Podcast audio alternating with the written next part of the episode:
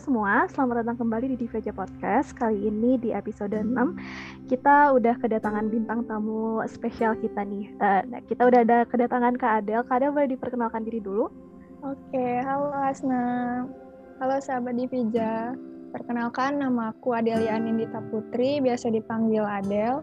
Uh, umur aku 22 tahun, asal aku dari Lampung, tepatnya di kota Bandar Lampung. Hmm, kalau kesibukan sehari-hari sih kerja di suatu perusahaan skincare di Bandar Lampung. Wah keren banget nih kak.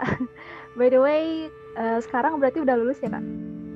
Udah baru tahun kemarin di bulan Agustus. Oke. Okay. Oh iya by the way sekarang tuh kita bakal ngomongin tentang FOMO. Mungkin ini udah umum banget ya di kalangan anak-anak, terutama buat orang-orang yang aktif di sosial media. Nah sebenarnya kak aku mau nanya nih apa sih FOMO itu sebetulnya? Oke, okay.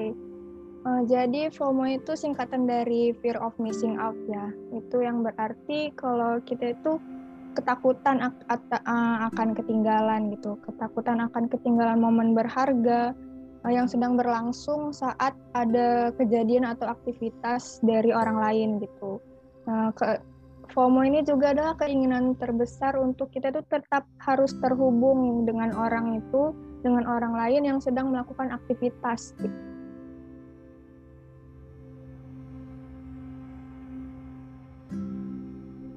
Terus uh, apa sih penyebab dari FOMO itu? Penyebab dari FOMO itu biasa terjadi itu penyebab terbesar adalah penggunaan dari gadget dari sosial media gitu ya uh, sosial media kan zaman sekarang ini kita udah bisa ngelihat aktivitas seseorang, aktivitas orang lain, rutinitas, kemudian kita bisa ngelihat juga rutinitas dari orang-orang dan kehidupan dari orang lain itu. Nah, itu ngebuat kita jadi ngerasa kayak kita ini ketinggalan nih dari orang itu. Kita merasa bahwa kehidupan orang itu lebih puas, lebih apa ya kayaknya kayak lebih enak, lebih merasa sempurna gitu yang kehidupan dari orang lain itu. Jadi kita ngerasa kita itu ketinggalan dengan mereka, kita ketakut, kita itu nggak bisa menghadapi hidup yang lebih lebih dikatakan sempurna gitu dari orang lain. Jadi jatuhnya kita lebih kayak membandingkan diri kita dengan orang lain gitu sih dari penggunaan media sosial itu. Oke, sebenarnya ada nggak sih orang-orang yang rentan gitu bisa terkena FOMO ini? Hmm, jadi orang yang rentan terkena FOMO ini biasanya yang aktif sosial media gitu ya. Kayak umumnya kita remaja dan dewasa-dewasa awal gitu. Kayak ada penelitian sebelumnya tuh kalau di remaja itu lebih rentan karena masih masanya pembentukan identitas diri gitu ya. Kita masih uh, selalu ngelihat apa pencapaian orang lain, terus gimana kita tuh uh, punya rasa keingintahuan yang tinggi untuk ngepoin kehidupan orang lain gitu khususnya di media sosial Instagram biasanya keseringannya. Kalau keingintahuan tinggi dalam hal pembelajaran kan itu kan pasti bagus ya. Bagusnya diarah ke situ untuk menambah keterampilan kita kemudian wawasan skill itu lebih bagus. Cuman kalau keingintahuan untuk kapan kehidupan orang lain itu yang jadi bumerang juga untuk diri kita sendiri Oh, jadi apakah sebenarnya FOMO itu nggak selamanya buruk kah? Ada yang bisa diambil dari sisi baiknya dari FOMO itu? Oke, jadi untuk sisi baik atau sisi buruk itu tergantung pada perspektif dan kita memaknai akan sesuatu itu ya. Jadi uh, dari rasa keingintahuan kita untuk hal yang positif atau hal yang negatif. Kalau untuk hal negatif seperti ngepoin kehidupan orang lain itu kan juga jadi bikin diri kita ngerasa lebih rendah gitu ya lebih ngerasa ngedown dan kita jadi nggak termotivasi untuk uh, menghargai diri kita sendiri untuk positifnya itu tadi kita kalau ngeliat dari media sosial atau penggunaan gadget itu lebih ke pembelajaran kita menambah skill kita aktualisasi diri kita gitu Oke, okay. uh, kak sebenarnya ada nggak sih kayak dampak dari FOMO itu Oke, kalau dampak tuh pasti ada ya, karena kan uh, fear of missing out kita kalau kita mengalami kecemasan berlebihan, kemudian kita ketakutan, kekhawatiran berlebihan tuh juga dampaknya kepada kesehatan mental kan. uh, kita jadi nggak menghargai diri kita sendiri kemudian kita jadi ngerasa sering cemas gelisah kita selalu menggunakan gadget itu secara berlebihan kita selalu menganggap bahwa uh, kehidupan kita ini nggak selalu merasa puas gitu. Kita selalu membandingkan dengan orang lain untuk mengalami kehidupan yang lebih enak lebih sempurna gitu. Jadi untuk dampak tuh pasti ada karena uh, kehilangan momen itu jadi membuat diri kita tuh kayak terkucilkan. Nah dari situ kita merasa kesehatan mental kita juga harus perlu dijaga gitu. Iya sih, aku korelate ya. Kenapa tuh? Iya. Dulu aku juga pernah korelate kayak gitu. Mungkin karena apa ya? Sekarang tuh orang kayak fast fast banget ya, apalagi di sekarang udah terus terekspos sama sosmed gitu. Jadi kita bisa ngelihat kayak orang tuh kok kayak sukses terus ya berhasil terus. Sedangkan aku di sini kayak ngerasa kayak lah kok aku perasaan sering banget gagal deh kenapa orang kayak segampang itu buat mencapai sesuatu? Gitu sih kak.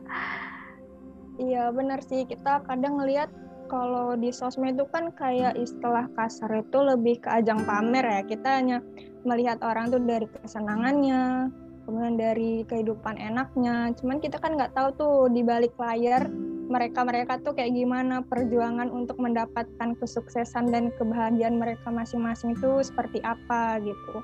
Jadi lebih ke fokus diri kita sendiri sih gimana biar kita menjaga mental kita dan gimana kita menjaga uh, semangat perjuangan kita buat emang termotivasi untuk uh, memiliki kehidupan yang layaknya kayak mereka gitu.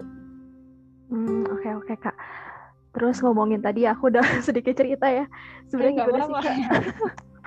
gimana sih cara nyikapin FOMO itu? Oke, cara nyikapin FOMO yang pertama kita pasti harusnya bersyukur ya. Kita bersyukur dengan kehidupan yang kita miliki saat ini, kita bersyukur dengan apa yang kita punya, yang kita jalanin dan apa yang udah kita perjuangkan gitu. Terus juga kita boleh kita mendongak ke atas, kita ngelihat ke atas, kita ngelihat juga ke bawah. Yang penting itu untuk uh, agar kita tuh lebih termotivasi untuk lebih baik lagi dengan cara yang lebih baik lagi juga. Karena hidup ini kan kita uh, per, perlu untuk kebaikan gitu ya, untuk lebih baik lagi. Kemudian juga kayak uh, ada pepatah nih tentang rumput tetangga jauh lebih hijau dari rumput kita sendiri. Itu kan jadi kayak ngerasa bahwa kita tuh selalu iri dan kita tuh nggak pernah merasa puas dengan kehidupan yang kita milikin. Kita selalu ngebandingin dengan mereka. Terus kita selalu takut ketinggalan momen-momen. Kita takut ketinggalan trending-trending yang saat ini ada di kehidupan ini. Itu jadi ngebuat diri kita tuh lebih ngerasa kurang produktif tuh jadi kita tuh harus bersyukur pertama ya Kemudian yang kedua itu kita juga harus uh, menghargai diri sendiri.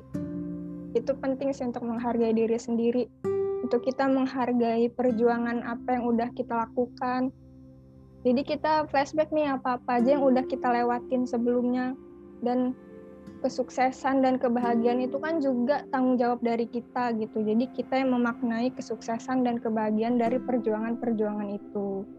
Kemudian tuh terakhir tuh ada uh, lawan lawannya dari FOMO nih ada JOMO kan joy of missing out. Nah di sini tuh kita lebih ngerasa puas dengan kehidupan kita. Kita lebih enjoy lebih santai menghadapi kehidupan ini. Jadi kita tuh selalu merasa cukup dengan apa yang udah kita kerjakan dan kita merasa cukup dengan apa yang udah kita lakukan gitu. Jadi kita lebih santai aja nggak nggak terburu-buru untuk mengikuti trending saat ini. Kita nggak terburu-buru untuk uh, mengikuti pencapaian dari orang lain.